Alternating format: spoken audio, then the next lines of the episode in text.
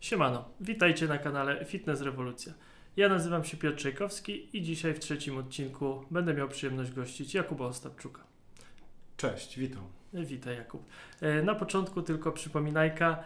E, Zaczynamy kanał, więc liczymy na Waszą pomoc. Udostępniajcie, lajkujcie i, i słuchajcie, bo naprawdę będziemy Wam pomagać, żebyście stali się lepszymi przedsiębiorcami. E, Jakub, na początek, na rozgrzewkę powiedz coś o sobie, kim jesteś i czym się zajmujesz. Właśnie zastanawiałem się nad tym pytaniem i zastanawiałem się, czy formalnie odpowiedzieć, czy tak jak ja się czuję. I na chwilę obecną chyba nadal czuję się numer jeden trenerem, później Mhm. zawodnikiem, a na końcu przedsiębiorcą. Myślę, że za, za chwilę, za kilka lat już będę się czuł bardziej przedsiębiorcą niż trenerem. Natomiast z trenerem najbardziej się czuję komfortowo i też nawet jak rozmawiam z trenerami, z kolegami, to tutaj myślę, że mam jeszcze o wiele więcej do powiedzenia niż e, o biznesie. Okej, no to skromnie, skromnie Jakubie. Ja miałem troszkę inny feedback jak się spotkaliśmy, bo, bo e, właśnie z, e, z firmą Proud współpracowaliśmy jako Akademia. Byli naszym partnerem w Akademii w konferencji e, Train Movement. No i bardzo pozytywny był mój feedback, jeśli chodzi o Twoją wiedzę biznesową, więc nie do końca się zgodzę. Dziękuję. No dobrze, słuchajcie, e, przejdziemy sobie do części głównej. Jeszcze tylko e, Jakub powiem Ci o strukturze naszej rozmowy. Zaczynamy sobie tak jak w budowie, w budowie jednostki treningowej od rozgrzewki. Teraz przejdziemy do części głównej, w której jest 10 pytań.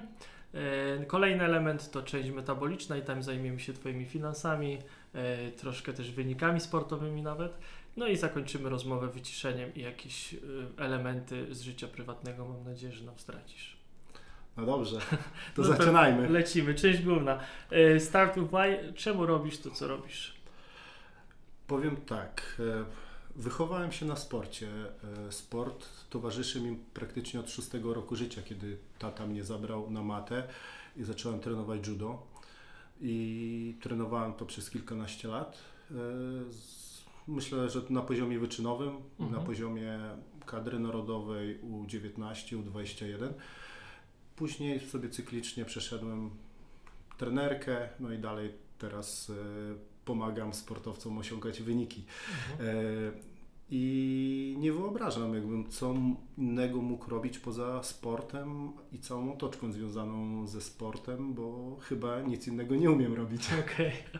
A wykształcenie branżowe powiedz, ty, ty masz, czy... E, Jestem po AWF-ie. E, Później przeniosłem się na Koźmiński, na zarządzanie strategiczne.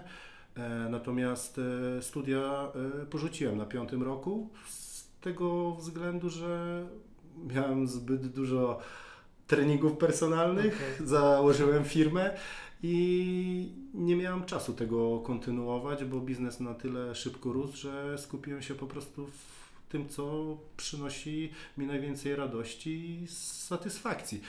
Jeszcze jako trener e, przeszedłem Exos numer jeden, Exos numer dwa, Mhm. jako ta pierwsza grupa trenerów e, w Polsce. Dzięki temu mogłem zobaczyć, jak e, trenują zawodników wyczynowych trenerzy z całego świata, a, głównie było to oparte na Stanach Zjednoczonych. Mhm.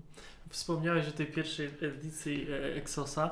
Pamiętam, że, że e, ostatnio Remigiusz Rzepka wrzucił to zdjęcie właśnie z tej pierwszej edycji, jako udostępnił jako wspomnienie.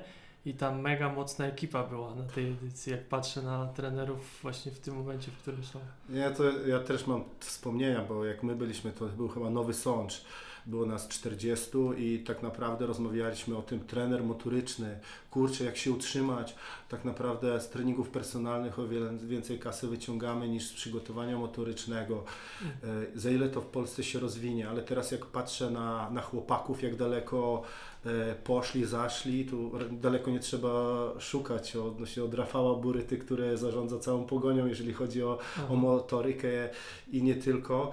E, Mateusz e, Oszus, który w Wiśle Płock działał, teraz działa w Polonii i tak takie całe grono osób, które teraz działają z topowymi e, Tak. klubami w ekstraklasie, bądź mają swoje ośrodki, przygotowały naprawdę mega duży szacun, No. a, a wtedy to dopiero raczkowało. No, ekipa mocna. Michał Surdej jeszcze chyba był. nie Tak, tak, tak, tak. dużo. Michał, Michał, Michał, Surdej tak, a, a Michał Surdej później w innych, w innych edycjach też był tłumaczem, jako, więc, Mhm. więc to też jest naprawdę bardzo, bardzo mocna e, ekipa. No i nasz wspólny znajomy Kamil Goleń. Kamil był na Tak, jedynce? tak, O, był na jedynce. Właśnie z Kamilem e, będzie kolejna rozmowa, więc, więc też szykujcie się na, na, na podcast. No dobrze, Jakubie. E, przejdziemy sobie dalej. E, czego nauczyły Cię treningi personalne? Dwóch rzeczy. E, akurat miałem przyjemność e, pracować z ludźmi z biznesu. I to z ludźmi takimi, którzy tak naprawdę na przełomie e, XX-XXI wieku zmieniali polską gospodarkę i wprowadzali e, korporacje e, na rynek. Dla mnie, jako studenta, oglądając takich ludzi w telewizji, e, oni byli mówią, wow, to są milionerzy, to są nadludzie, Mhm. czy coś, a tak naprawdę na treningach personalnych zobaczyłem, że oni są tacy jak ja. Oni niczym się nie różnią, mają swoje problemy, mają swoje gorsze dni, lepsze dni i tak naprawdę e, są tacy sami jak my. E, no chyba, no trochę mają więcej problemów. Więcej tak, pieniędzy, to była, więcej tak, to problemów. była, to była jedna rzecz, a drugą rzecz, e, trochę później do tego dojrzałem, że tak naprawdę pracując z takimi ludźmi, to ja mam ogromny dostęp do wiedzy biznesowej, za Mhm. którą bym musiał zapłacić kilkadziesiąt albo kilkaset tysięcy studiując na MBA, a mam tutaj praktyków, których dbam zdrowie, którym pomagam, a tak naprawdę mogę od nich czerpać wiedzę i tak naprawdę to było bardzo duża siła napędowa dla mnie osobiście. Mhm. Ekstra. E, a powiedz mi właśnie, wracając jeszcze do tej Twojej kariery trenera personalnego, zaczy, zaczynałeś jako trener zmianowy, czy, czy od razu wskoczyłeś na treningi personalne? Jak to wyglądało? Powiem tak, e, moja pierwsza pensja e, za, e, właśnie jako trenera zmianowego, jeszcze nie trenera personalnego, Aha. To było 680 zł za miesiąc. o, 680 zł. To Brutto była, netto? nie, na rękę już 680 zł. To była moja pierwsza, e, tak, dużo pracowałem na zmianach, tak zwane w czerwonej, a nie w, czer, a nie w czarnej e, koszulce. A to był E, jakiś klub sieciowy, czy... Tak, tak, to, było, e, to była korporacja, to był Holmes Place. Aha, I o, tak naprawdę wtedy, kiedy ja zaczynałem, treningi personalne nie były tak dostępne jak teraz. To była usługa luksusowa. Ona nie była dla Mhm. każdego. Ona była z reguły dla zamożnych, zamożnych ludzi, którzy mają dużo czasu, mają dużo pieniędzy, chcą poprawić tą kondycję fizyczną albo dbać, dbać o wygląd, odstresować się. To, to, było, to, to było inaczej niż teraz. Teraz Mhm. to jest To, a to ile lat temu, Jakub? Y, Zaczynałem 14, jakieś 14 Okej. lat temu. Dobra. Więc, więc, y, no, więc to były fajne czasy. No, no dobra, a, a dlaczego w ogóle y, przechodząc już do tej części biznesowej, mówię tutaj oczywiście o, o Twojej firmie Proud, bo, bo w naszym podcaście chcemy się skupić e, bardziej na części przedsiębiorczej, jeśli chodzi o branżę fitness, więc, więc dlatego powiedz jak, skąd pomysł, dlaczego zacząłeś i, i w którym momencie, wiesz, ten, ten pomysł na otwarcie swojego biznesu. Okej. Y, Jesteś trenerem i w pewnym momencie e, dochodzisz do ściany. W pewnym momencie e, ja mając, e, nie wiem, po 25-26 lat e, prowadziłem około 200-230 treningów personalnych miesięcznie. O, ładnie. I to jest już, już w pewnym momencie zastanawiam się, jak to wyskalować, jak wyskalować biznes, ale z drugiej strony nie jesteś w stanie pociągnąć. Jesteś w stanie tak pociągnąć rok, dwa, półtorej i tak naprawdę e, to też jest ogromny, ogromny koszt na Twoje życie prywatne. I doszedłem do takiej ściany, że kurczę, może jeszcze bym dociągnął do tych 300, ale co by było ze zdrowiem, jak, jaka by była jakość. I w pewnym momencie Mhm. zacząłem szukać, co mogę robić dalej związanego ze sportem, co będzie mnie kręciło i w czym mogę się odnaleźć. No i tak e, powstał ten kierunek e, zaczęcia bawienia się w jakieś akcesoria, sprzęt sportowy. Okej. I, I po jakim czasie? Pamiętasz y, od startu właśnie y, prowadzenia treningów personalnych ten pomysł na biznes? Cztery, e, czy można powiedzieć 4, 3, 3-4 lata e, mi zajęło, żeby zbudować bazę i już zacząłem, e, zacząłem coś tam myśleć o tym, co mogę jeszcze, jak mogę, w jaki sposób mogę wyskalować ten biznes Aha. związany ze sportem, co mogę robić, ale nie przestając robić treningów personalnych, Jasne. aby ta płynność finansowa była jak najlepsza. No dobra. I tutaj będę troszkę wchodził w szczegóły. Mam nadzieję, że, że to nie problem. E, żeby jak najbardziej właśnie trenerom pomóc, też zobrazować ja- jak to wygląda, jakie też są przeszkody, że, że wiesz, to, że osiągnąłeś sukces, e, to nie znaczy, że nie było wyzwań i przeszkód, bo, bo jest tego mnóstwo. I zaczynając od początku, właśnie od tego startu, jakbyś, jakbyś miał jeszcze wrócić do tego czasu, e, jaki miałeś kapitał na start i jakie były takie pierwsze, wiesz, jakby decyzje ważne, które podjąłeś? Tak. e, Też właśnie robiąc tyle treningów e, w tak młodym wieku dla mnie wtedy też e, myślę, że dosyć dobrze zarabiałem, bo 25-latek, który zarabia na poziomie 24-26 tysięcy złotych na rękę. E, W tamtych w czasach. tamtych czasach to była dobra kasa. I tak naprawdę, szczerze mówiąc, y, ja nie miałem gdzie tych pieniędzy wydawać, bo cały czas pracowałem, Aha. więc one normalnie, najnormalniej na świecie gromadziły się na koncie. Y, A nie byłem osobą taką, która konsumuje, tylko raczej która inwestuje.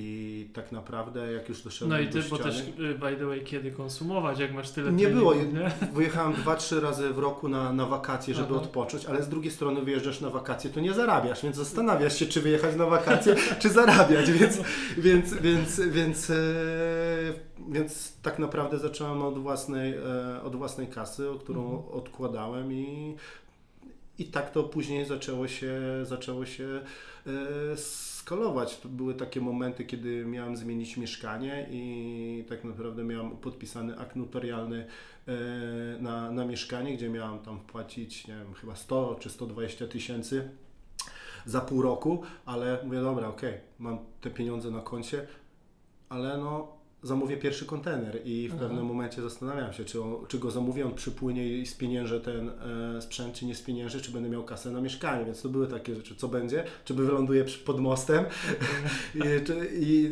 na tyle, na tyle też ufałem sobie, że, że, że pociągnę, że dam radę. No i akurat y, pociągnąłem, da, e, dojechało to wszystko do końca, miałem kontener i miałem mieszkanie. No. Czyli zobacz, y, w, y, zawsze w tych historiach branżowych jest troszkę prawdy, bo ja jeśli chodzi o Twój case, y, rozmawiałem, no nie powiem z kim, y, ale, ale właśnie słyszałeś o, o tym Jakubie, jest prawda jak, jaki on miał start? A ja mówię, nie no dawaj, bo mnie takie rzeczy biznesowe ciekawią. No wziął kredyt i zamówił sprzęt z Chin, nie? I zobacz jak mu wszystko poszło. Ja mówię, no to ciekawe, zaproszę kiedyś go na rozmowę i zweryfikujemy. Nie, nie, w ogóle, nie, nie, kredyty były na, na późnym etapie. Jak Mhm. może wziąć kredyt, jak nie ma zdolności No kredytowej? właśnie. Więc wiesz, więc nie, nie, nie. I, e, to, to czyli ina- inaczej czyli było, e, tak. z, własnej, z własnych Tak, to- środków. Kurczę, przyjechał pierwszy, Ale, z Chin, ale tak, z Chin to było, E, prawda? z- Czy z nie? Azji, tak, z Azji. okej. wiesz, pierwszy, pi- to było tak, że pierwsze, e, pierwszy sprzęt to było tak, że robiłem treningi personalne w Holmes Place, a ludzie przychodzili na recepcję i mówili, ja skakankę chcę, ja chcę gumę, ja chcę powerbenda, ja chcę wałek, ja tam torby wyciągałem i szedłem, wiesz to poczekaj, zrób tutaj pompki, a ja podbiegnę, dam, dam komuś gumę.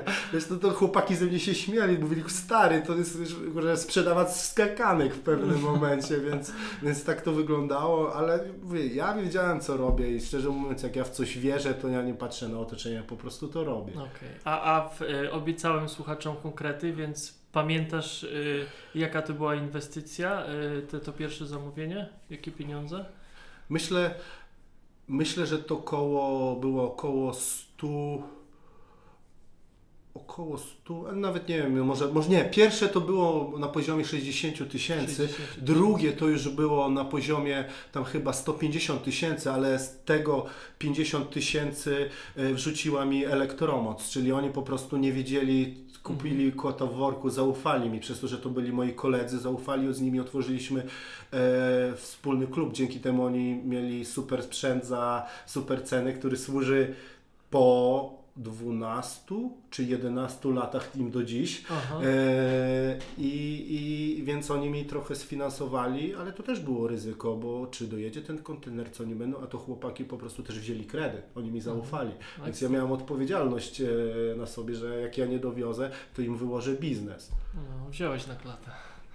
Wziąłem, bo nie wiem czy świadomie, czy nieświadomie, ale wziąłem. No właśnie to często y, jak rozmawiam właśnie z, z przedsiębiorcami, że słuchaj, zaryzykowałem. Teraz mogę ci powiedzieć dumnie, że zaryzykowałem, ale wtedy o tym nie wiedziałem. Tylko ja dowożę. Nie wiem, co bym, bym po prostu ja wziął kredyt i ich spłacił. Ja jak coś mam dowieść, to ja dowożę. Kosztem nawet zdrowia. Rozumiem. No to też ważna, ważna cecha w biznesie. No dobra, jeszcze, jeszcze chcę y, skupić się na tym początku, bo to fajny, fajny case, fajna historia.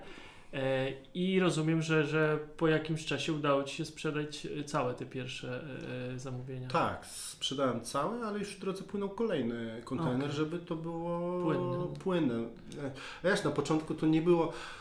Kupowałem to, co miałem. Ja nie mogłem wyprodukować partii, nie mogłem zrobić własnych matryc, bo to była kasa, to wszystko. Sprzętu też nie było w ogóle. Mhm. E, ja sprowadziłem powerbandy i minibandy, ludzie nie wiedzieli do czego to służy. To, to, to jest, teraz wszyscy pracują na tym, a wcześniej to nie było. E, Ja śledziłem po prostu w pewnym momencie amerykańskie strony, amerykańskie trendy i niektóry sprzęt kupowałem, który na przykład leżał rok w magazynie, dopiero jak to doszło do Polski, te trendy i dopiero wtedy na przykład partia mi się sprzedawała w miesiąc, więc to było, Mhm. dużo było intuicji, ale też e, tego, co uzyskałem na Exosie. Ja chyba jako jeden z nielicznych po Exosie nie zostałem dalej trenerem, tylko Okej. założyłem swój biznes, a reszta, reszta pracuje w branży. Poruszyłeś y, fajny temat, czyli timing w biznesie i, i intuicja, to dru, drugi, drugi element. To są dwa takie elementy, które dla mnie, oczywiście mówię ze swojego doświadczenia, jako taki, bym powiedział, świeżak, przedsiębiorca, e, ale no już kilka projektów nam się udało, więc zauważyłem, że ten timing plus y, to, co mówisz, intuicja są mega, mega ważne. Jakie, jakie podejście masz do, do tego tematu? Czy na przykład jakbyś teraz otwierał firmę, czy by tak wystrzeliła? I pytam o ten timing, nie? E, Wiesz co, nie myślę, nie myślę o tym, czy bym otwierał firmę, co by, czy tak nie, nie, nie, ma, nie marzę nierealnie. Natomiast patrząc o intuicję, patrząc, właśnie my często, my często e, z moim partnerem i moim mentorem e, biznesowym się wspieramy. Ja jestem bardziej intuicyjny, bardziej taki, który chce wystrzelić, chce iść, e, e, można powiedzieć, za, za intuicją. On jest bardziej analityczny, e, bardzo trzeźwo myślący, e, szukający argumentów oraz wielu zagrożeń. I mamy różne takie zdanie, natomiast uważam, że jedno i drugie jest ważne, bo Mhm. intuicja nie poparta liczbami często ma skuteczność 50%, albo wyjdzie, albo nie wyjdzie, No, a intuicja poparta liczbami już ma skuteczność o wiele, kro- o, wiele większą, więc i, im lepsza intuicja i im lepsze li- liczby, to dochodzi, minimalizujemy ryzyko porażki. czyli, czyli połączenie tutaj tych dwóch, dwóch modeli i... E, na ten moment tak, Aha.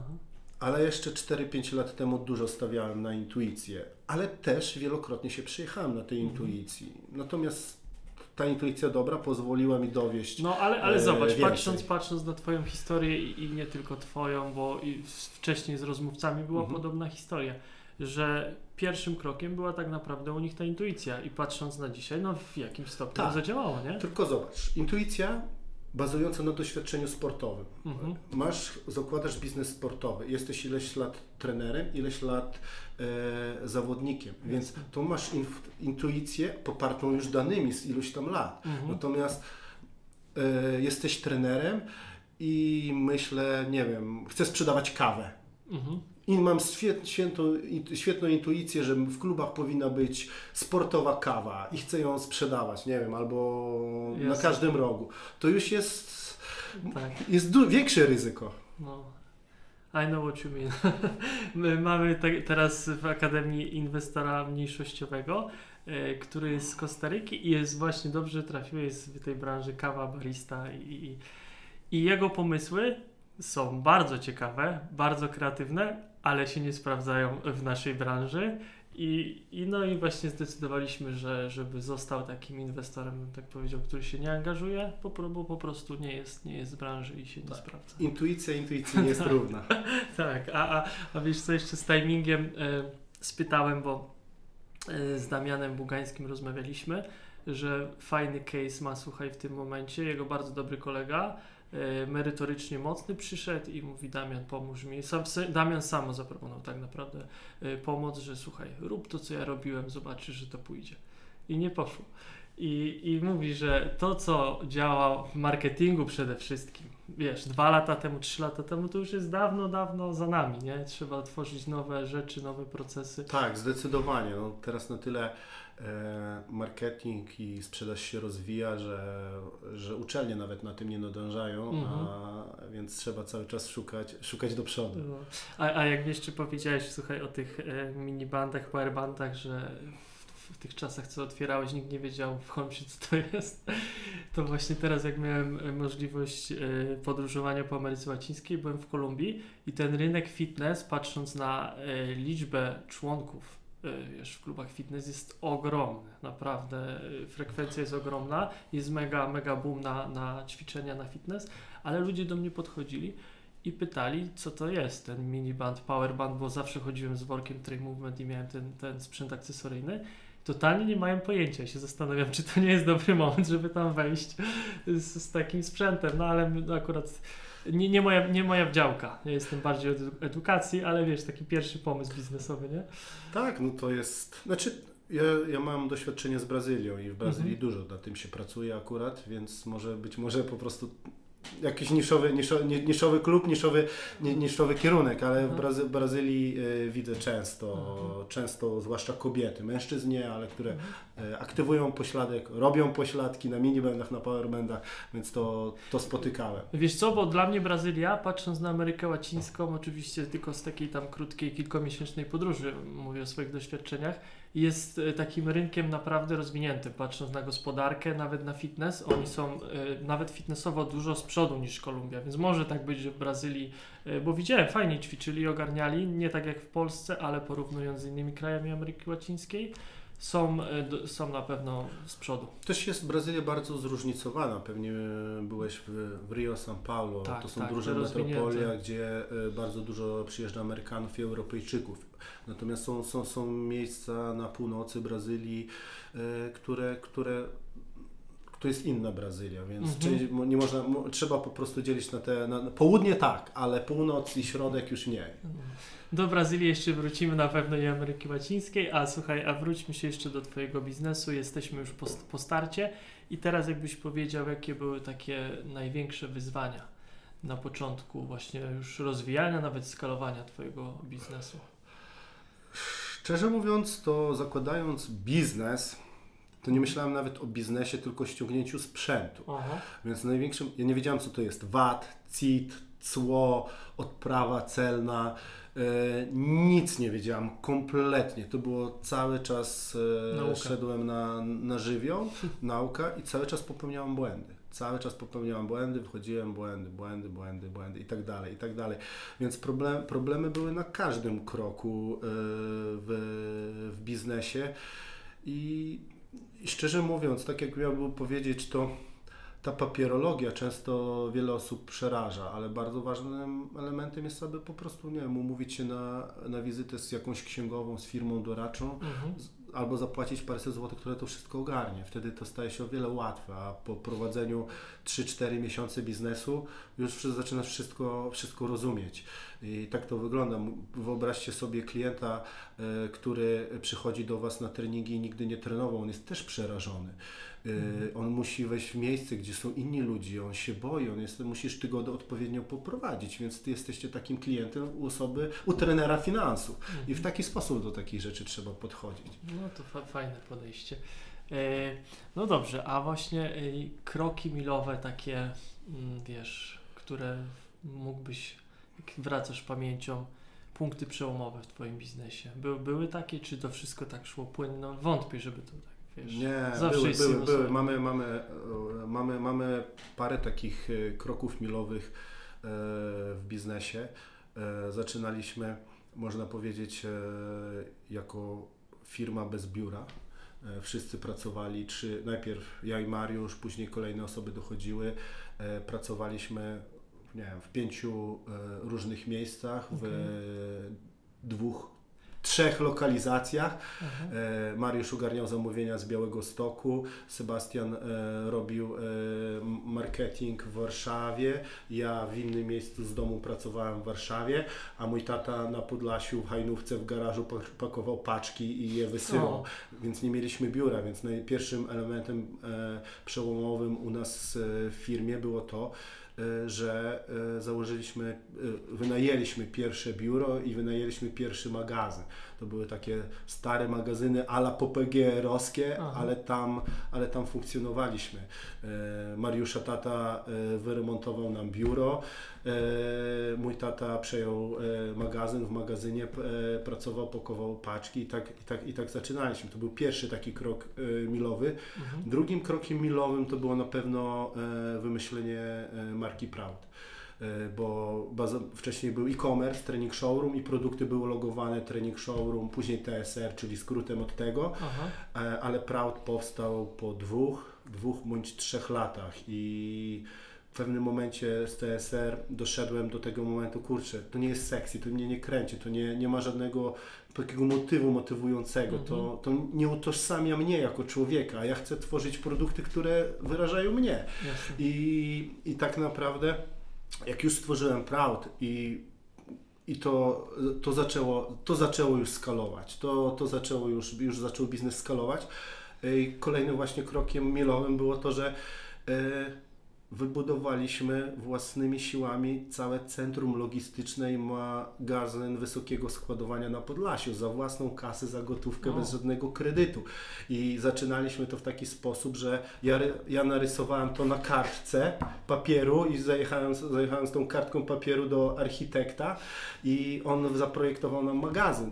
A jak regały robiliśmy, siadłem z Mariuszem Jaka E, powierzchnia magazynu? e, z antresolami, tym wszystkim 1200 metrów kwadratowych, 10 metrów w górę, taki nowoczesny magazyn, do dziś nam służy. No i całe centrum operacyjne, czyli tam jest 300 metrów, e, dwa piętra biura i siłownia dla pracowników, więc, więc, więc tak, to, tak to wygląda. E, I, I całe te regały zaprojektowaliśmy na kartce papieru. Gówniarze, którzy mieli, nie wiem, 28, 29 lat, nie znaliśmy się na niczym, wszystko intuicyjnie zrobiliśmy i ten magazyn powstał, służy do dziś i, i, i działa dosyć nowocześnie. Jesteśmy w stanie z, jego, z, z niego wysyłać sprzęt na całą Europę. Mhm. Czyli jednak to, to biuro robi.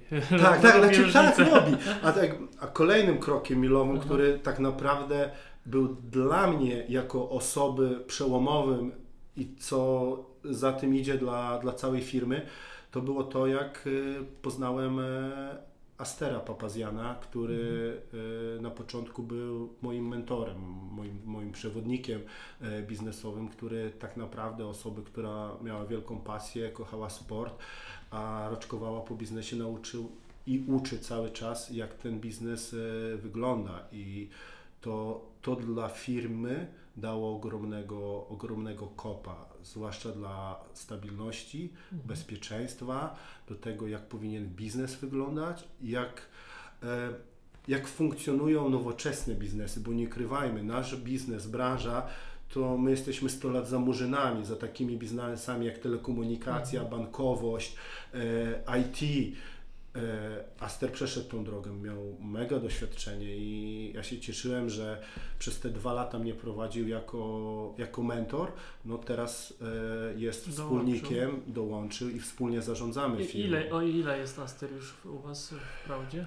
E, dwa lata mentor i dwa lata w firmie, czyli łącznie Cztery. cztery lata. I to był kolejny etap firmy już, e, która stała się z firmy garażowej już poważnym biznesem. No i ostatni punkt przełomowy e, to wynajęcie biura na Grzybowskiej i zrobienie showroomu. Całe środki, które były przeznaczone e, na marketing, tak zwane na targi w Polsce czy za granicą, po prostu powiedzieliśmy ok, przerzucamy te środki na coś, co, co może nam służyć cały czas, co lepiej, się, e, co lepiej będzie się nam e, konwertowało. Zapraszajmy klientów z całej Europy i z całej Polski do nas. Pokażmy im, że Polska jest fajna, że mamy sprzęt, że mamy super firmę e, i że dajemy wartość, a nie, że na targach nas traktują jako firma ze wschodu, tuż po Chinach i możemy coś trochę drożej kupić niż, niż w Chinach. I, i, i tak, tak nas traktowano w, w kolonii. I, i, I to się sprawdziło. I teraz tak naprawdę to były takie kroki milowe, które uważam, że, e, że znacznie wpłynęły na, na to, gdzie jesteśmy. E, No, fajnie, fajnie się tego słucha, powiem szczerze. Y, Case showroomu, słuchaj, Jakub. Ja właśnie byłem tak sceptycznie nastawiony y, kilka lat temu właśnie do showroomu. Mówię, kurczę, to jest przepalanie kasy, nie? Wiesz, wywalanie w błoto. Y, Do jakiś tam, do zeszłego roku, gdzie zobaczyłem naprawdę, jak, jak- to może zadziałać na klienta takiego biznesowego, dużego. Nawet case, słuchaj, y, z tego tygodnia. Szedłem z ekipą, mm, nie wiem jaka jest ulica, Techno Gym, wiesz pewnie gdzie ma showroom. Mhm. Plac Trzech Krzyży. Plac Trzech Krzyży, dokładnie. Idziemy i, i koleżanka mówi, ty zobacz tutaj, jak, jaka siłownia kozacka. Ja mówię, to nie jest siłownia, to jest showroom. Czyli co, tylko sprzęt na pokaz. Ja mówię tak, wow, ale oni muszą mieć kasy. I, i wiesz, i, i zakładam, że jak duży klient y, widzi taki, taki showroom, to naprawdę no, no robi to wrażenie, buduje to wartość też marki. Tak, znaczy nie chodzi o to, żeby budować wartość marki, tylko Ale sprawdzić też, pokazać, wiesz. pokazać klientowi, że on może się czuć bezpiecznie. Mhm. Chodzi o to, że y, nie jesteśmy firmą garażową, która się zawinie po 3-4 latach, albo że klient nam zapłaci, a mu nie dowieziemy sprzętu, dowieziemy połowę. Chodzi o to, żeby on przyszedł do nas, zobaczył showroom, który jest zaaranżowany na studio, home gym, porozmawiał z nami, y, żebyśmy mu dobrali sprzęt, napiliśmy się kawy, żeby Mhm. on po tym mówił, stary, y, to jest firma, która mi dowiezie i nie będzie fuck-upów i przede wszystkim to ma zbudować zaufanie, a nie pokazać jacy my jesteśmy wielcy, czy jacy my jesteśmy mali, czy ile mamy pieniędzy, czy ile nie Mhm. mamy pieniędzy. Naszym celem jest właśnie spotkać się, e, spotkać się z klientem i porozmawiać, Mhm. e, zbudować jego zaufanie. Okej. Pozy- czyli taki pozytywny odbiór marki. Można Tak, no ale- powiedzieć, Nie, bo tak jak... Z, Tak jed, jak z jednej strony tak, ale z drugiej No. strony też showroom, ćwiczy, y, showroom służy do tego, e, że tam cały zespół ćwiczy i to jest to, jest, to, jest to że, To że, że, że trenują, tak, my trenujemy tam e, i to jest dodatkowa, dodatkowa wartość, to musi być e, czysto, musi być e, porządek. Iwona dba bardzo, bardzo mocno o całe biuro, o to, żeby był, był, był porządek, żeby ten showroom też wyglądał bardzo reprezentacyjnie, więc e, ona ogromną rolę odgrywa w firmie, że, i żeby to biuro funkcjonowało No i- perfekcyjnie. I przyznam, że dobrze idzie, bo, bo jak byłem u, u chłopaków właśnie na rozmowie, e, przy współpracy właśnie na, na konfer- w naszej konferencji, no to ta część e, showroomowa, ta część do, do treningu zrobiła na mnie największe wrażenie, powiem szczerze. Biura są fajne, ok, ale jednak jak zobaczyłem sprzęt, mówię, kurde, aż chce się zrobić trening. Tak, a teraz jeszcze jest, jeszcze jest ona lepiej zrobiona, a myślę, że za jakieś e, półtorej, dwa miesiące, kiedy wjeżdża nasza najnowsza seria Cardio Lead, to będzie już, e, już będzie top top. O, to wtedy karnet wykupił. Wipowski. Zapraszam. E, No dobrze, słuchaj. E, Jak mamy takie jedno pytanie, jakby z tego co mówisz, jest to no, klarowne, oczywiste, że, że biznes jest rentowny, ale e, powiedz coś więcej o tej części finansowej. Ja- jakiego rzędu to są pieniądze? Oczywiście nie, na tyle, ile możesz powiedzieć. Czy to są setki tysięcy przychodu rocznie, czy już miliony? Jak to wygląda? Tak, to już znaczy wszystkie dane finansowe są otwarte, bo jesteśmy, jesteśmy, jesteśmy, jesteśmy spółką, natomiast no, e, jakbym tak miał zakres dać, to jest między 10 a 20 milionów e, rocznie. No to już, już fajnie, fajnie to, to wygląda.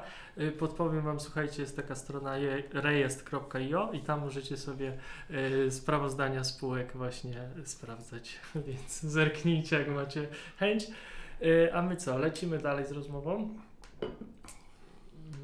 Pytamy też o rentowność, bo, bo jak pewnie Jakub się domyślasz, są, są też biznesy które są ogromne, a w ogóle nie są rentowne i ludzie właśnie są zdziwieni, że jak to, że taka, duży, taka duża firma i ona nie jest rentowna, jak to możliwe? Znaczy dla mnie to jest zrozumiałe i bardzo dużo takich biznesów Mhm. spotykam. Najczęściej to jest to, kiedy biznes jest oparty tylko na pasji i tak naprawdę pasja mm, zagłusza tą e, chęć e, biznesu, zrobienia czegoś wbrew, wbrew sobie, wbrew tej pasji, że przedsiębiorcy sami siebie oszukują, że Mhm. ten biznes sam się zrobi, to na pewno urośnie za miesiąc, za trzy. Nie, samo nic się nie robi. Po prostu Mhm. trzeba etap po etapie zrobić, zrobić inwentaryzację, sprawdzić, ewentualnie spotkać się z osobą, która może Ci pomóc i dopiero wtedy to tak jak z kontuzją, no sama się nie wyleczy y, kontuzja. Idziesz do fizjoterapeuty, pracujesz z fizjoterapeutą. Okej, zrobiliśmy ten etap, idziesz do trenera, pracujesz z trenerem. Super. Idziesz dalej, idziesz do moto- trenera motorycznego, pracujesz z motorycznym i w końcu zaczyna to funkcjonować i dalej idziesz sam. Lekcję, jaką naj, największą, najważniejszą wyciągnąłeś z prowadzenia biznesu, może to być również porażka. Już dużo mówiliśmy, ale jakbyś miał tak jedną, maks dwie. E, Nie chciałbym bardziej mówić e, o sobie, o danej lekcji, bo uważam, że to bardziej nikomu nic nie pomoże. Mhm. Natomiast patrząc e, z doświadczenia, to co może coś wnieść, to bym powiedział, że tak naprawdę biznes to jest droga od porażki do porażki. I tak naprawdę przechodząc przez małe porażki, jesteśmy gotowi na te większe. Mhm. I tak idziemy cały czas. I, i, i na, tym, na tym uważam, że trzeba się skupić, bo jeżeli poddamy się po pierwszej porażce, to, to, to ten biznes nie wypali. Trzeba, trzeba od razu w głowie mieć, że z porażki do porażki. To przykład taki z naszego Aha. biznesu, że najpierw porażką było to, że paleta do klienta e, dojechała e, porwana i kurczę, paleta e, za, nie wiem, parę tysięcy złotych e, towaru, jest coś nie tak, kurczę, naprawiamy to, naprawiliśmy to, a za parę lat porażką było to, że e, wieziemy sprzęt na montaż do Wembley, e, na Wembley do, do, do tam ośro, ośrodków i w pewnym momencie e, kurczę, do Londynu nie mogą tiry wjechać. Trzeba sprzęt rozładowywać na sześć małych ciężarówek. Jak to zrobić w Londynie? Ekipa przed Londynem, e, cło, inne takie rzeczy. To i to już też jest problem. Jasne. Jeden i drugi ma taką samą wartość, tylko Mhm. są one rozłożone w innym W czasie. innym etapie. I trzeba po prostu przyzwyczaić się do tego, że to są cały czas porażki. Tych sukcesów jest o wiele mniej, ale żeby nie było porażek, nie byłoby sukcesów i nie byłoby rozwoju. Nic dodać, nic ująć. Zgadzam się w 100%. A od czego ma zacząć trener? Według Ciebie, e, co byś mógł poradzić, jak, jakby chcie, no chcesz otworzyć swój własny biznes. Nie musi to być sprzęt, branża fitness. Co byś mu, co byś mu poradził? Bym dał dwie rady. Jedną bardziej taką długoterminową, bez względu na rodzaj biznesu, a drugą, Mhm. taką, drugą taką bardziej konkretną, która trochę O, bazuje na To naszym to, doświadczeniu. to dam Ci case, bo będzie nam łatwiej też rozmawiać. Chcę Tak. otworzyć swoje studio treningu. O! Okej. I, I co byś mi doradził? Znaczy to obserwując trenerów, którzy do nas teraz przychodzą, uważam, że większość, znaczy większość, duża część z nich po prostu to jest za wczesny etap. Mhm. My s- robiąc wywiady, robiąc analizy kosztów biznesu, na przykład utworzenia studia, e, zrobiliśmy bardzo prosty taki przelicznik. Jesteś trenerem personalnym, masz 15 klientów, średnio z nimi trenujesz dwa razy w tygodniu, miesięcznie robisz łącznie 120, je- 120 jednostek treningowych, bierzesz od nich 150 zł za trening średnio, masz 18 tysięcy przychodów e, miesięcznie. I w tym momencie to jest moment, żeby zacząć myśleć o biznesie.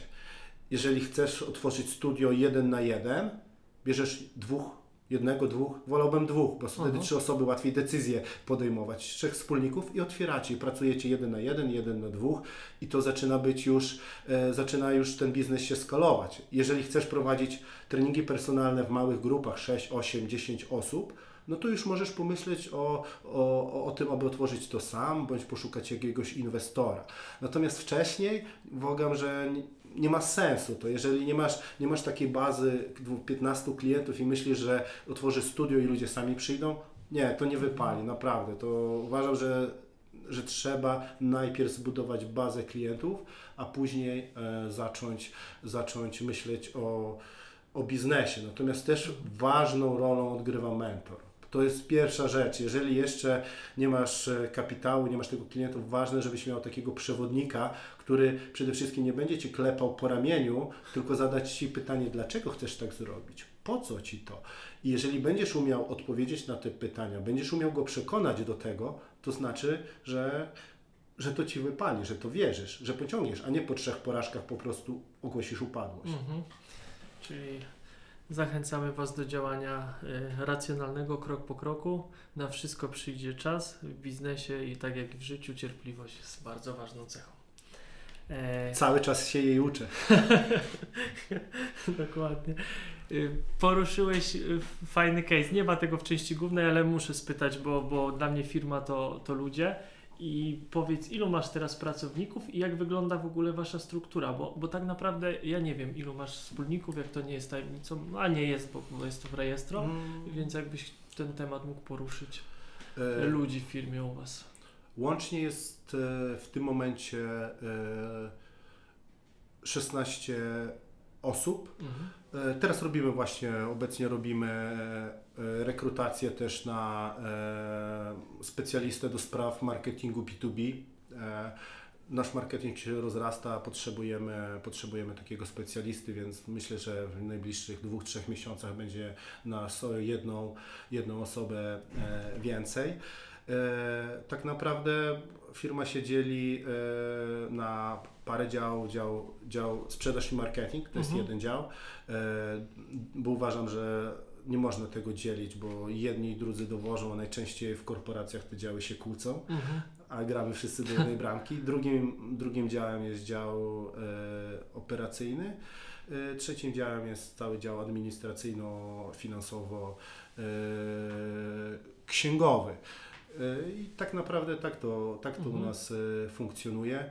E, Mamy w tym momencie taki zespół top 7 e, zarządzający, z którym spotykamy się dwa razy w tygodniu i omawiamy najważniejsze kwestie. Raz w tygodniu omawiamy liczby, drugi raz w tygodniu omawiamy priorytety na kolejny tydzień oraz e, omawiamy na koniec tygodnia dział książki, którą wspólnie czytamy. Okej, ekstra. Czyli, czyli e, mówisz o Asterze, czyli masz jednego wspólnika Znaczy tak, e, Aster, Aster, e, Aster jest, jeżeli chodzi o wspólników, tacy, którzy działają, to Mhm. jestem, jestem ja i jest Aster.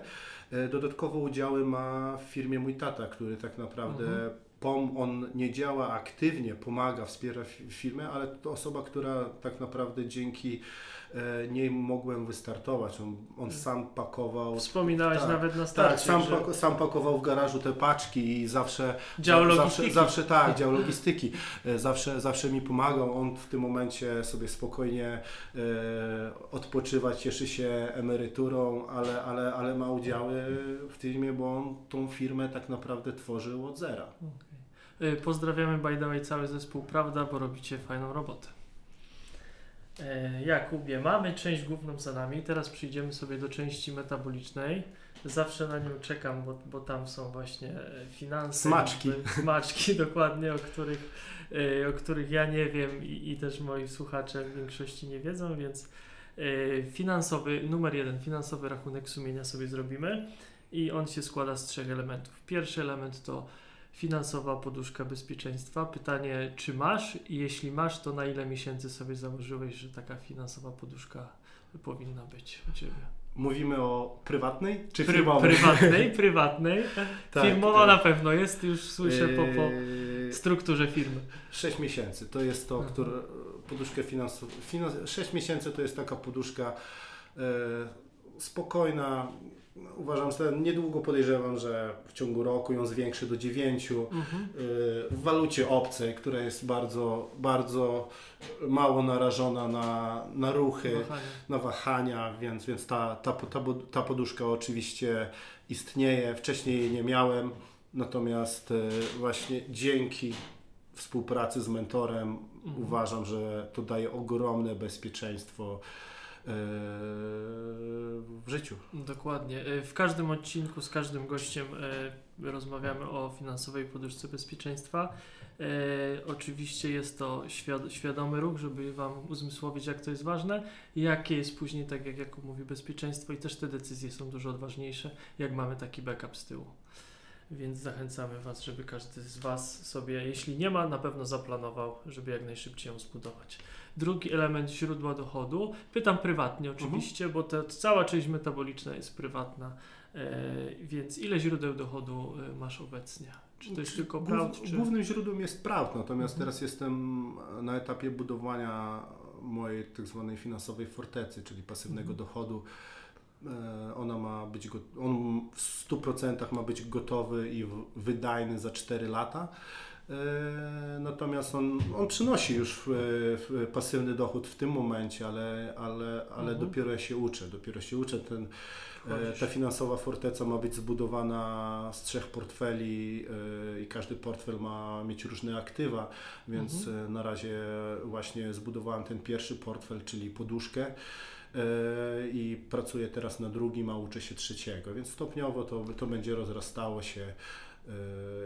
Ekstra. W, w, też tej pasywnym dochodzie to są też nieruchomości, natomiast to, to, to nie jest duża część. Mhm, właśnie dochód pasywny mam też element, więc już, już zaczęliśmy omawiać. W ogóle finansowa forteca, czytałem książkę Marcina Iwicza. Świetna, w ogóle świetny człowiek i, A, czyli, i czyli to jest tak, powiązane, tak? Tak, to A, jest okej. powiązane. To, to uważam, że, że to jest chyba nie wiem, jedna z najlepszych, a nie wiem czy nie najlepsza osoba, która w bardzo prosty sposób e, Dokładnie. mówi o finansach i tłumaczy trudne rzeczy, które tak naprawdę nie są trudne. Tak, to, to była w ogóle moja pierwsza taka książka, jeśli chodzi w temacie finansów, inwestycji. Ona ma Biblia bardziej, bo ona ma 850 stron, ale pochłonąłem ją szybciutko, bo się czyta cudownie, bo Oczywiście. tak prostym językiem Marcin pisze, że też też polecam zdecydowanie, żebyście, no jak nie książkę, bo na przykład nie lubicie czytać, to ma podcasty, audiobooki, ma dużo kontentu. E, Jak wpiszecie Marcin i Łódź, to, to na pewno Wam wyskoczy. E, No dobrze, a, a wróćmy, bo, bo zaciekawiłeś mnie tymi portfelami. E, Jak już zacząłeś, to, to co inwestujesz? W, w kruszce, metale, giełda? Zale, zależy od portfela. Jeżeli chodzi o giełdę, to na razie się uczę, bawię się. Po Mhm. prostu wrzuciłem pewną pulę pieniędzy i sobie, sobie yy, bawię się. Buduję swój ETF, Mhm, ale o. sam buduję e, na przykład, który może, jak, może w tej zabawie wyjdzie, że on będzie sprawny i on sobie będzie funkcjonował. Raczej to jest, e, przygotowuję się do, żeby poduszka finansowa nie była tylko w walucie, może będzie w obligacjach. Zobaczymy od koniunktury. Wszystko zależy od koniunktury, bo tak Mhm. naprawdę pierwszy, trzeci portfel to jest portfel agresywny, czyli tam, gdzie nawet jak stracę pieniądze, to nie będę po nich, e, po nich płakał. Mhm. Drugi portfel to jest portfel długoterminowy, aby zapewnić jakąś przyszłość, emeryturę nie w wieku e, 60 lat, tylko w wieku 45 lat, załóżmy, albo Mhm. 50. No i finansowa E, poduszka bezpieczeństwa. Tak, i, finans, tak i, i pierwszy to jest tak, ale ona też może, ona może nie tylko leżeć, ona, ona może na przykład uciekać od inflacji. Obligacje na Tak, przykład. tak, obligacje indeksowane, indeksowane in, e, inflacją, to zależy, a to jest wszystko w te, zależy mi, aby finalnie, żebym poświęcał, nie wiem, godzinę, dwie godziny raz na trzy miesiące temu, a to na sobie pracowało, na siebie pracowałem, natomiast cały czas na razie muszę się edukować. Jeszcze, Mhm. jeszcze potrzebuję wiedzy, aby to działało tak, jak ja bym chciał. No to fajne, fajne masz podejście do tematu finansów. Ja ze swojego doświadczenia mogę Wam poradzić jedną rzecz. E, tutaj jak zawsze dwie strony medalu. Pierwsza strona medalu to bardzo Marcin e, mnie zachęcił do tematu właśnie finansów, inwestycji i to jest bardzo pozytywna druga strona medalu, że za bardzo się wkręciłem w ten temat i trochę mi zaczęły uciekać sprawy, bym powiedział, bieżące, nawet firmowe, bo tak, tak mnie zainteresowały inwestycje, że zamiast cały czas generować więcej dochodu, więcej, więcej, ja mówię, dobra, to w co inwestować, kurczę, to trzeba się edukować.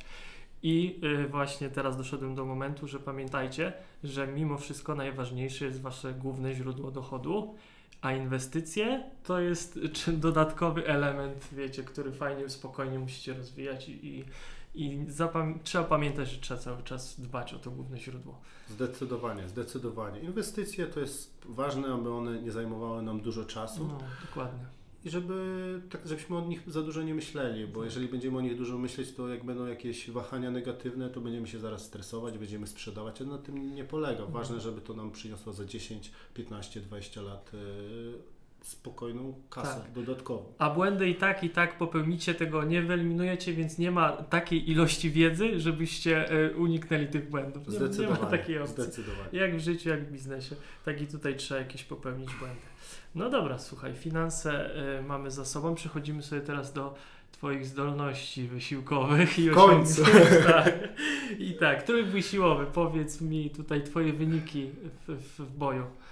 Tak, y, obecnie nie, nie trenuję siłowo, bardziej skupiam się na elementach crossfitu, głównie na gimnastyce i wszystkich elementach tlenowych. Natomiast y, wyniki pamiętam, musiałem to odgrzebać i odgrzebałem. Jeżeli chodzi o wyciskanie na klatkę, to miałem 140 kg.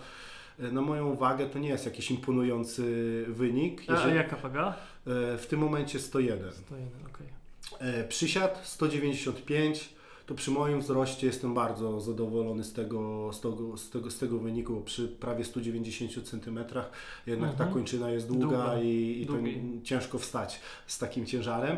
E, no oczywiście na trójboistach to nie robi żadnego wyniku, bo Jasne. takie konie siadają ponad 300. No. E, No i jeżeli chodzi o ciąg, to 237, 236, jakieś w tych, w tych, w tych, w tych okolicach, więc to są, to są takie wyniki. Natomiast no, trójbój to nie jest jakiś Aha. mój, mój konik, Konik. który kocham, ale bardzo szanuję tą metodologię, bo to jest cię- ciężkie dźwiganie, bardzo dokładne, bardzo techniczne, konsekwentne, nudne, ale Aha. konsekwentne. No. Czyli do pół tony tam, jak dobrze liczę, brakuje. Ponad, pon, a No. nie, ponad, Ponad? będzie, no 200... Y, Ile miałeś będzie. klatkę? 120? 140. 140, a 140, 200. y, Ile był przysiad? 195? Tak, sto... No jest pół tony, Tak, jest, jest. udało się. Dobrze. Nazbieraliśmy. Już chciałem skomentować, że Jakub przy stówce Ale nie ma pół tony, powiem ale szczerze, powiem szczerze, e, to nic się ma do tego, e, ten trójbój siłowy, niż do tego, e, jaka jest ciężka praca na magazynie. Jak, jak trzeba No, wskoczyć jasne. na kontener, gdzie jest 21 ton i wypakować to często rękoma. Jak chłopaki z magazynu to zasuwają. Też sam rozpakowywałem kontenery, sam rozpakowywałem ze statą, z chłopakami, zdarzało mi się. Teraz już jest mniej tego. E, Natomiast to, to jest zdecydowanie cięższa praca niż trójbój, rozpakować taki kontener z talerzami, sztangami i handlami. Pewnie. Y, I, I jest to pytanie na stałe, ten trójbój siłowy, więc, więc pytam, ale powiem szczerze, że bardziej e, zaimpon- zaimponowałeś mi e, elementami gimnastycznymi niż tym trójbojem, bo naprawdę przy stówce, przy 100 kg masy ciała, na kółkach ćwiczenia, stanie na rękach, to już jest troszkę no, inna liga tym momencie przy tej wadze. Jak, jak, no znam gimnastyków, więc wiem, że jak każdy tam kilo to robi różnicę. Tak, no gi- gimnastyka I to... długie kończyny przede Tak, wszystkim u znaczy Ciebie. to zasługa mojego trenera, Marcina Mhm. Szyca, którego bardzo, bardzo e, pozdrawiam, który mnie prowadzi gimnastycznie. No i Sebastiana Pietrowicza, który ogólnie mi programuje. Też pozdrawiam. Natomiast e, stanie na rękach czuję się tutaj już mocno. Aha. E, natomiast kółka gimnastyczne to dopiero początek. To dopiero początek. Jeszcze chwila i, i, i myślę, że będzie fajne latanie, ale jeszcze, jeszcze muszę mentalnie, jeszcze trochę się ich boję. E, Boję się, że spadnę, zwłaszcza jak pracuję na długich taśmach, na wysokich kołach, to jeszcze, jeszcze tutaj głowa musi się ułożyć, ale to myślę, że kwestia nie, już nie lat, tylko miesięcy. Dobrze, to jeszcze nad, nad głową popracujemy i będzie dobrze. E, I tak, przechodzimy sobie do ostatniej części naszej rozmowy, czyli wyciszenie i tutaj e, trochę e, prywaty i, i rzeczy, o których też jeszcze nie, nie słyszeliście, mam nadzieję. Od razu z grubej rury polecimy. Jakie, Jakub, masz wartości w życiu? Bardzo proste pytanie. O, Bardzo proste. Przede wszystkim jasne zasady. Ja lubię konkrety, nie lubię jakiegoś owijania w bawełnę. Lubię mieć te jasne zasady i dla mnie, czy w firmie, czy prywatnie, to, je, to jasne, słowo jasne zasady e, jest numer jeden. I Mhm. często dla mnie jest umowa dżentelmeńska ważniejsza niż e, umowa pisana. Natomiast cieszę się, że mam tak świetny zespół, który wymusza zawsze umowy pisane, bo po drugiej Mhm. stronie nie zawsze mam e, takie osoby jak ja, które Podobne, mają podobne wartości, wartości. tak, mają, tak. I, i ta umowa pis, pisana, pisana jest e, mega ważna. To jest numer jeden. Drugą e, wartością jest to, aby w życiu zawsze robić w to, co się wierzy. Nie mógłbym tego robić i, i to sobie powiedziałem, że nawet jakbym miał zarabiać miliony, e,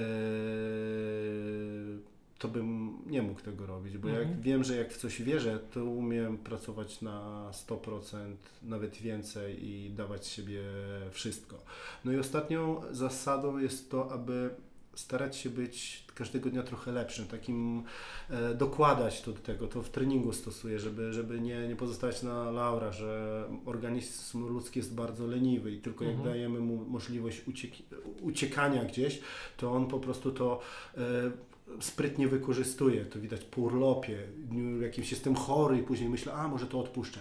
A jak jestem cały czas w tym biegu, cały czas staram się być lepszy, dokładać, dokładać, dokładać, to, to, to wychodzi. Też tego mnie nauczył Aster, który jest e, jeszcze bardziej zdyscyplinowany niż ja e, i, i to mi się bardzo spodobało. Mhm, ekstra. To słuchaj, mamy już je- team e, wartości transparentność. Kamil Goleń, ty, ja tak samo, więc tutaj wspólne wartości, może dlatego nam się dobrze rozmawia.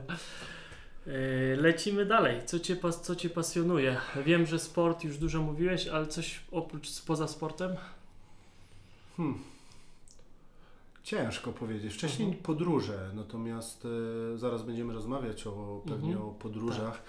E, sport, ale nie tylko to, co my robimy, bo też bardzo się interesuję sportem, oglądaniem sportu, dyscyplinami, Igrzyska Olimpijskie. Od 96 roku życia, e, w 96 roku życia, w 96 roku miałem e, no, w jaki, Tak. Small talki.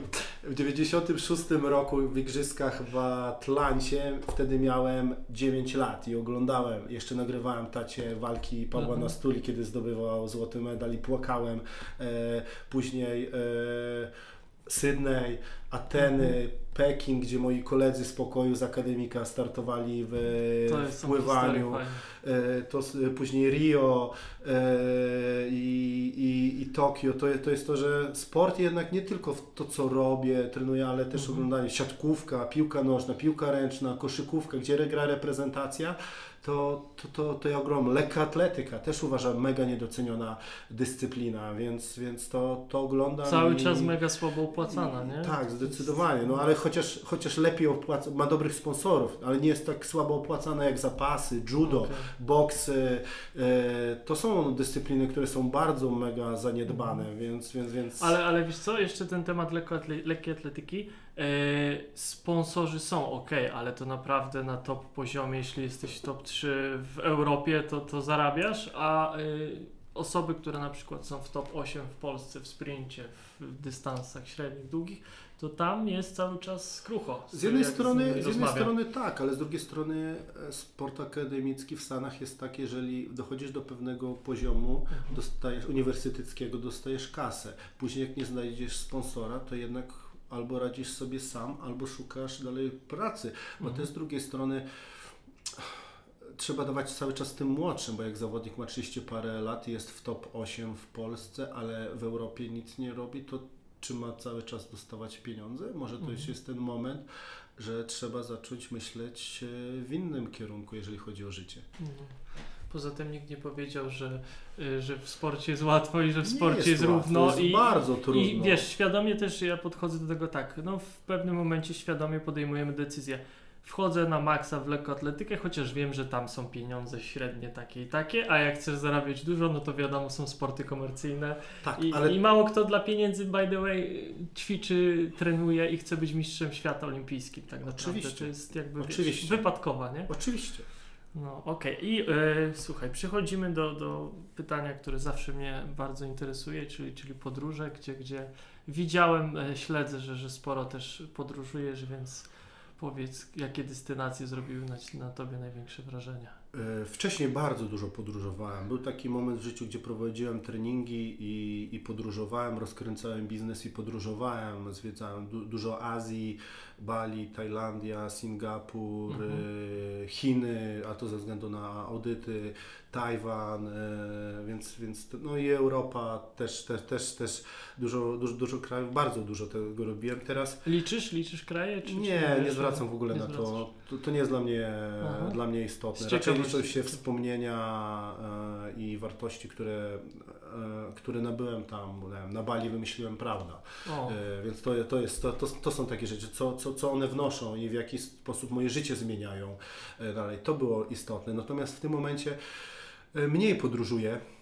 Natomiast pojechałem odwiedzić mojego przyjaciela do Brazylii e, 8? 8, chyba 8 lat temu. mhm. I tak naprawdę e, w Brazylii się zakochałem. I to jest takie miejsce, od którego, do, od, do którego wracam co roku i tam spędzam e, sporo czasu zimą. E, ono daje mi bardzo duży spokój. Tam jestem, mogę być sam ze sobą, mogę się uspokoić, mogę się przygotować, wiele rzeczy przemyśleć i tak naprawdę teraz jakoś nie mam takiego bodźca, aby daleko e, podróżować, ale No, Brazylia zawsze chcę- naprawdę jest zawsze blisko. Chcę, tak, ale zawsze, zawsze, zawsze chcę, tak, ale zawsze chcę wracać w, tam, bo, bo, tam, tam czuję się po prostu bardzo komfortowo y, i Rozumiem. Rozumiem w 100%. W tym roku y, właśnie pierwszy raz udało mi się odwiedzić Brazylię, tą część bardziej komercyjną, bo, bo, bo regiony właśnie São Paulo, Rio de Janeiro i, i, i z Kubą rozmawiałem, właśnie zachęcił mnie też, żeby zobaczyć te, te bardziej dzikie części. Y, W przyszłym roku marzy mi się właśnie Fortaleza, Jericoacoara, tam więcej natury, no i przede wszystkim windsurfing, kitesurfing, który, który kocham.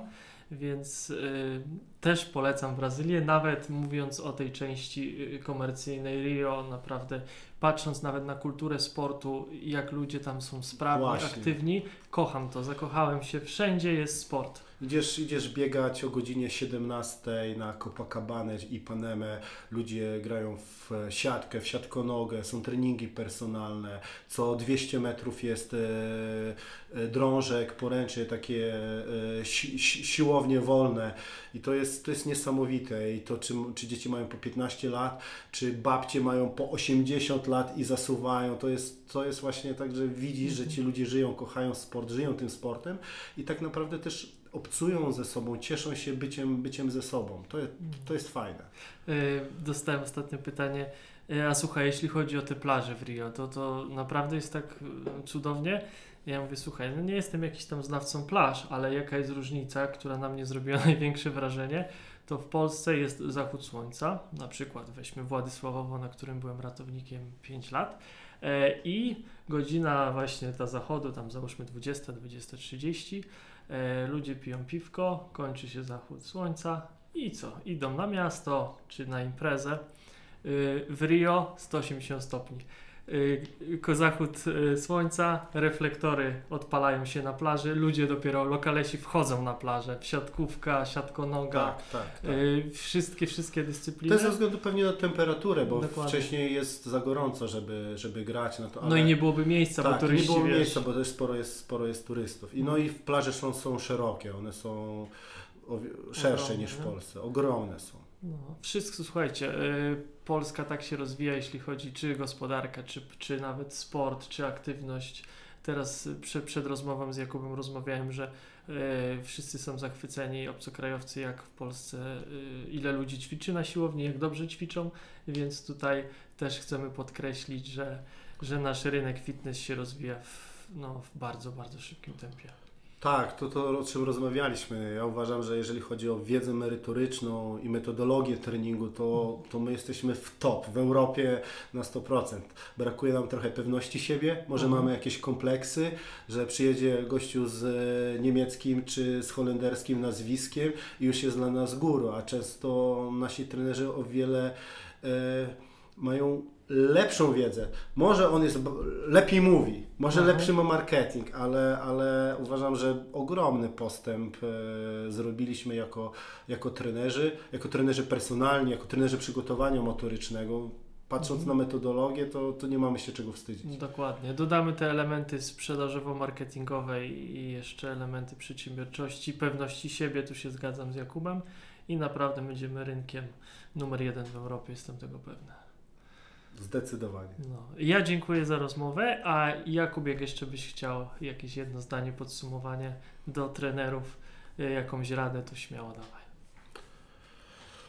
Wspomnę to, o czym mówiłem, że bardzo ważne jest to, abyście robili to, w co wierzycie, bo wtedy o wiele łatwiej Wam będzie e, walczyć z tymi porażkami.